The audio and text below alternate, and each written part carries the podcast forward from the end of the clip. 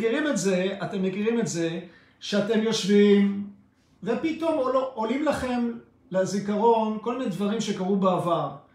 אנשים שנפגשתם, אירועים שעברתם, אינטראקציות שהיו לכם עם אנשים אחרים, כל מיני דברים פתאום צצים ועולים מהעבר הרחוק או מהעבר הקרוב, ולגמרי מעוררים בכם זיכרונות וחוויות, לפעמים חוויות נחמדות, לפעמים חוויות פחות נחמדות, על כל מיני דברים שעברנו בחיים, שעברתם בחיים. וזה קורה גם כשאנחנו ערים, וזה קורה גם כשאנחנו ישנים. אני בטוח שכולכם מכירים את זה. שיש, אה, שיש חלומות כאלה פתאום בלילה, אנחנו חולמים פתאום על משהו שבכלל שכחנו מאיפה זה, משהו שקרה לפני 20 שנה או 30 שנה, או כל מיני אינדיקציות, דברים כאלו. עכשיו, מה, מה התופעה הזאת שרובכם מכיר, אני מניח, או כולכם, מה אנחנו יכולים להסיק מכך? אנחנו יכולים להסיק מכך שכל חוויה שאנחנו עוברים בחיים, היא בעצם משאירה בתודעה שלנו רישום. זה נקרא, במחשבה הוודית, זה נקרא סמסקרה. סמסקרה, פירוש המילה זה רישום חבוי. חוויות שאנחנו עוברים, כשאנחנו אנחנו לא מחוברים למקום השקט הטרנסצדנטלי הזה, אלא אנחנו מזדהים עם החוויה. אנחנו מזדהים עם מה שקורה, אנחנו הולכים לאיבוד בתוך החוויה הזאת, ואז החוויה הזאת משאירה בנו רישום בתודעה. כמו איזה חריטה כזאת באבן. ונדמה לנו שאחרי רגע אנחנו שוכחים מהעניין, אבל הרישום הזה ממשיך להיות בתודעה שלנו, והוא פתאום צץ ועולה. מה גורם לו לצוץ ולעלות? כל מיני חוויות דומות יותר או פחות, שמזכירות את החוויה הראשונית שעברנו.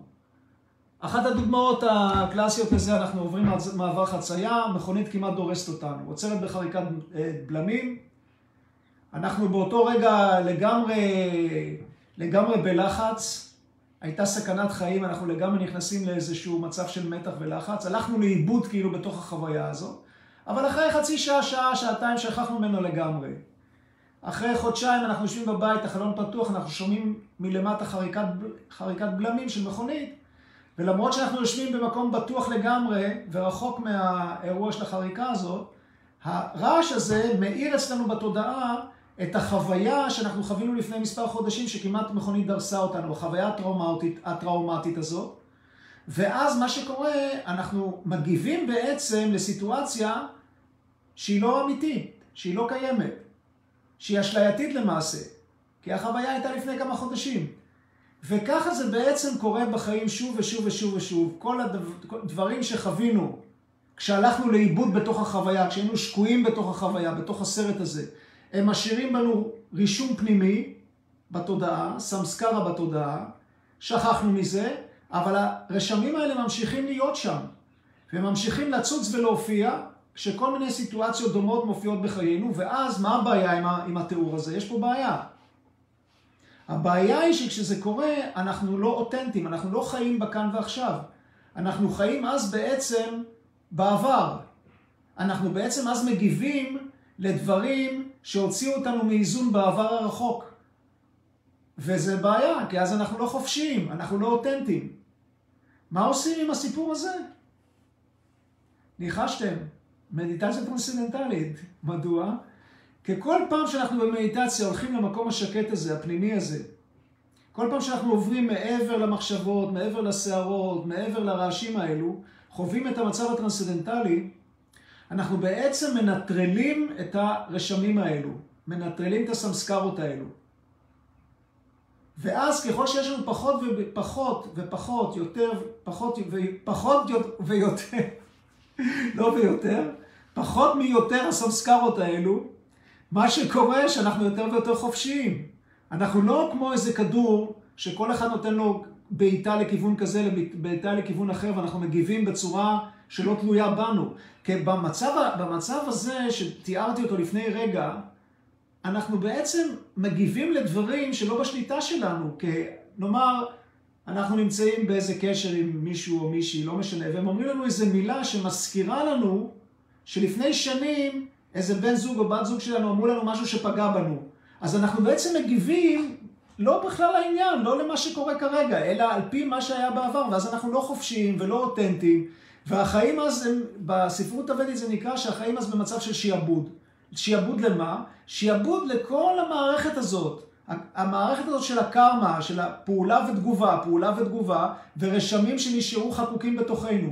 אבל על ידי מדיטציה, כל פעם שאנחנו חווים את השקט הזה, כל פעם שאנחנו חווים את האי מוגבלות הזאת בתוכנו, אנחנו מנטרלים עוד סמסקרות ועוד סמסקרות, עוד רשמים חבויים ועוד רשמים חבויים, ואז אנחנו לא הולכים לאיבוד בתוך החוויה. כשיש לנו יותר את השקט הטרנסצדנטלי הזה בתוכנו, אז גם כשאנחנו חווים דברים, אנחנו לא הולכים לאיבוד בתוך הסרט. אנחנו חווים את הדברים, אבל אנחנו ממשיכים לחוות גם את המרכז הפנימי שלנו, את העצמי האמיתי שלנו. זה כמו שלפני שעשינו מדיטציה, היינו רואים סרט, והיינו הולכים לאיבוד לגמרי במה שהיה קורה שם על המסך. אם הגיבור היה בוכה, היינו, היה הגיבורה, יותר נכון, הייתה בוכה, היינו בוכים איתה, כך זה קורה בדרך כלל. ואם הגיבור היה צוחק, היינו צוחקים איתו. זאת אומרת, אנחנו הולכים לאיבוד בתוך הסיפור, ואז הסיפור יוצר את הרשמים החבויים האלה בתודעה שלנו, את הסמסקרות האלו. אבל אם עם הזמן, כשאנחנו חווים יותר ויותר את השקט הטרנסצנדנטלי הזה, אנחנו רואים את הסיפור. אנחנו רואים שהגיבורה בוכה, אנחנו רואים שהגיבור צוחק, או צועק, או עושה מה שהוא עושה, אבל אנחנו לא הולכים לאיבוד בתוך הסרט. אנחנו מודעים לכך שאנחנו יושבים, ושהסרט ממשיך לפנינו, ושיש הבדל בין העצמי שלנו לבין הסרט. אתם מבינים את הדוגמה?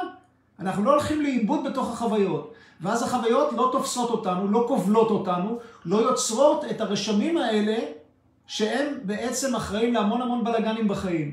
הם אחראים לכך שאנחנו פועלים בצורה לא אותנטית, לא בהתאם לכאן ועכשיו, אלא בהתאם לכל הדברים האלה שאנחנו סוחבים איתנו על הגב מהעבר.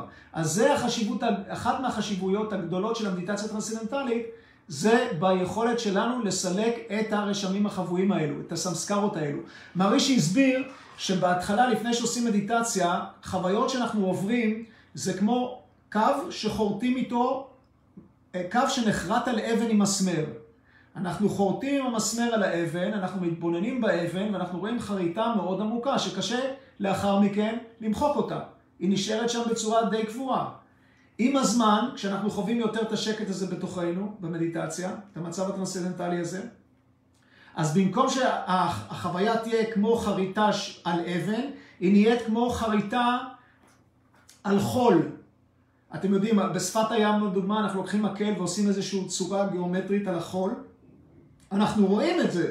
יש שם את הצורה, אבל המים באים, הרוחות באות, אחרי זמן קצר זה נמחק. אז זה בשלב, זה, זה באנלוגיה, מה שקורה עם הזמן שאנחנו עושים מדיטציה יותר. אז החוויות שאנחנו חווים, הסרטים שאנחנו עוברים, הם לא משאירים בנו חוויות כאלה חזקות שנחרטות בנו בצורה כל כך עמוקה ובעייתית, אלא החריטה נעשית יותר קלה. וכך זה ממשיך להיות יותר קל ויותר קל ויותר קל ויותר קל. ובמצב של תודעה קוסמית שאנחנו דיברנו עליו בשבוע שעבר, החוויות משאירות רישום, אנחנו חווים אותם, זה לא שאנחנו הופכים לצנון ולא אכפת לנו מכלום, אבל החוויה היא כמו קו שאנחנו עושים באוויר, מה ראשי מסביר. אם אני עושה ככה עם האצבע קו באוויר, אנחנו רואים את החוויה, אנחנו רואים את הקו שאני רושם, אבל ישר הוא נמחק גם, הוא לא משאיר איזשהו רישום פנימי. ואז אנחנו חופשיים, כי אז אנחנו חווים את כל מה שאנחנו רוצים לחוות, כפי שזה היה בעבר, החיים נמשכים ואנחנו ממשיכים לחוות דברים, אולם החוויות משאירות אותנו חופשיות. הן לא יוצרות את הרשמים האלו שחוזרים וצצים כשאנחנו ערים, כשאנחנו ישנים, וגורמים לנו בכלל להיות בפנטזיות או במקומות אחרים, לא בהתאם לכאן ועכשיו. אז זה מחזיר אותנו לנקודה הבסיסית שמדיטציה היא הדרך, ולכן כל כך חשוב להיות סדיר במדיטציה, פעמיים ביום. תראו מה קורה כיום בעולם, העולם בבלגן לא נורמלי, הכל, זאת אומרת, לא מספיק שהיה קורונה עם כל הזנים החדשים, כל יומיים יש איזה זן חדש, אז עכשיו יש את כל הבלגן שם באוקראינה. אנחנו נמצאים בקאלי יוגה, אנחנו נמצאים לפי הבנה הוודית בעידן שנחשב לעידן בערות. מה זאת אומרת עידן בערות? קוראים בחדשות, רואים מה זה נקרא בערות. מסתכלים איך אנשים בכנסת מתנהגים, רואים מה זה בערות. רואים כמה, כמה מדינות, ראיתי איזה סרטון בפייסבוק, לא האמנתי. הסרטון הזה הראה את עשרת המדינות שמוציאות הכי הרבה כסף על הצבא שלהם. ביליונים של ביליונים של דולרים, וגם, וגם ארצות עניות, כמו הודו, כמו פקיסטן, מוציאות ביליונים על כלי נשק שמיועדים להרוג אנשים. זה בדיוק ההגדרה של קאלי יוגה, של עידן בערות. עצוב מאוד, מאוד עצוב. אבל, מה אנחנו יכולים לעשות? מה הדבר הבסיסי שאנחנו יכולים לעשות? להשתתף במדיטציה קבוצתית. וליצור, וליצור, זה נשמע לכם אולי, זה נשמע לחלקכם, אולי זה יכול להישמע כמשהו אידיאליסטי, משהו כזה, לא יודע. אבל תראו, ניסו כבר הכל. מה לא ניסו? יצרו את אה, חבר הלאומים, אחרי זה את האומות המאוחדות, כדי לנסות ליצור שלום בעולם. לא הצליחו. אף שיטה פוליטית לא הצליחה, אף פילוסופיית חיים לא הצליחה. לא הקומוניזם ולא הקפיטליזם ולא המונרכיות. העולם עדיין בבלגנים, האלימות משתוללת בכל מקום. האנשים היחידים ששמחים מכל מה שקורה כיום, או לא יודע מה היחידים, סוחרי הנשק הם בטוח שמחים. עם כל, המיליונים והביליונים שכולם קונים כל הזמן את הנשק הזה. אם תחשבו על זה, זה לא... קשה בכלל להבין את, ה, את ההיגיון בזה.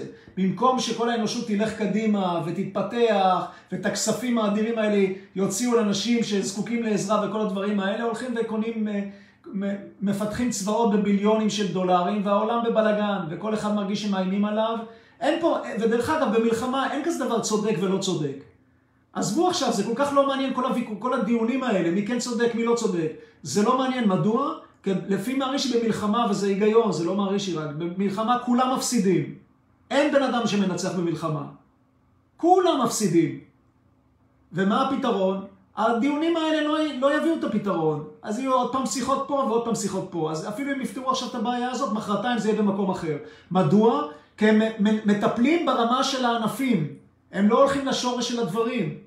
השורש של הדברים זה להחיות את התודעה הטהורה הזאת, את האינטליגנציה הטהורה הזאת שנמצאת בבסיס הבריאה, ולהפסיק להפר חוקי טבע.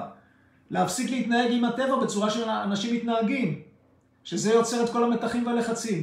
טוב, אני סטיתי מהעניין של הרשמים למצב העולמי, אבל מה לעשות, זה כל הזמן עכשיו בחיים שלנו, בחדשות, בעיתונים, תמונות, אירועים, מצער מאוד, אבל שוב, גם בהקשר הזה, מערישי אמר, כשזה המצב, הוא אמר את זה עוד לפני שנים, אבל זה כל כך אקטואלי. ראיתי לפני כמה ימים איזה סרטון שהוא עשה מספר שנים לפני שהוא נפטר, בדיוק על זה הוא דיבר, שבמצב הזה שהעולם נמצא, הדרך היחידה של כל בן אדם זה להיות בסנטר שלו, בסלף שלו, במצב לחוות את השקט הזה, להחיות אותו דרך תרגול משותף עם עוד אנשים. הוא הציע את זה לממשלות, שהם ייקחו את הידע הזה ויישמו אותנו, אותו כדי ליצור עולם יותר שלם. אף אחד אבל לא עשה את זה. אף אחד לא התייחס אליו, והוא צפה. אתם יכולים לראות ביוטיוב, בערוץ של מעריש, יש סרטונים שהוא מדבר על זה. שאם אנשים לא יעשו את זה, אם מדינות לא יעשו את זה, העולם יגיע בדיוק לאיפה שהוא נמצא היום, לכל הבלגן הזה. אז הדרך שכל אחד מאיתנו יכול לתרום להרמוניה בעולם, זה להיכנס פנימה, למקום השקט הזה, למקום הרגוע הזה. לנסות לעשות בשעות האלו, ש, שאני אשים עוד פעם את, ה, את, ה, זה, את השעות של המדיטציות הקבוצתיות, לנסות לעשות את זה. אז את החלק הקטן שלכם, מה שאתם יכולים לעשות כדי לתרום להרמוניה עולמית, אתם תתרמו. טוב, בואו נעשה עכשיו את המדיטציה הקבוצתית, אלא אם כן מישהו רוצה, אה, מישהו רוצה להעיר משהו, בואו נראה מישהו כתב משהו שלא פספסתי. את המספר טלפון שלי אני אכתוב אחר כך.